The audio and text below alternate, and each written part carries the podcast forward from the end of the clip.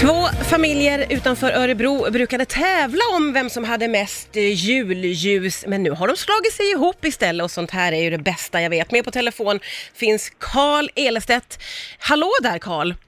Hallå, hallå. Du, hur började den här kampen mellan dig och grannarna? Jag bör, eller det börjar väl, kan det vara sju, åtta år sedan att den ena satte upp en del och den andra satte upp mer och sen höll vi på från år till år att det blev mer och mer och mer och sen, ja, sen blev det mycket till slut. Ja, det blev, blev mycket till slut. Hur mycket belysning snackar vi här Karl? Vi brukar få frågan hur många meter det är men jag vet inte, det är nog uppåt ett par kilometer slinga i alla fall. Åh, kära någon.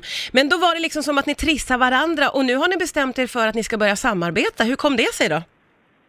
Ja, det var ett eller ett par år sedan som vi tyckte att ja, vi hade så, vi hade så trångt på, gård, på våra gårdar så att då hade, har vi ett gärde emellan oss och då började vi bygga ut där istället och börja bygga lite större grejer och lite egna grejer och lite... Så då blev det där istället. Men då blev det där också helt enkelt.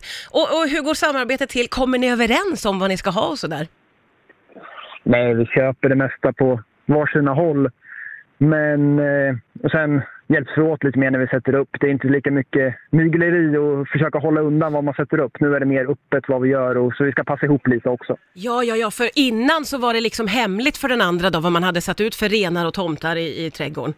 Ja, ja, ja, och man satte upp när det var mörkt ute och den andra inte var hemma och man testtände bara när den andra inte var hemma för att den inte skulle se och lite sånt där. Alltså det, det är som en underbar film. Du, eh, ni är ju väldigt poppis förstår jag. Vad tycker grannar och andra som kommer förbi och kollar?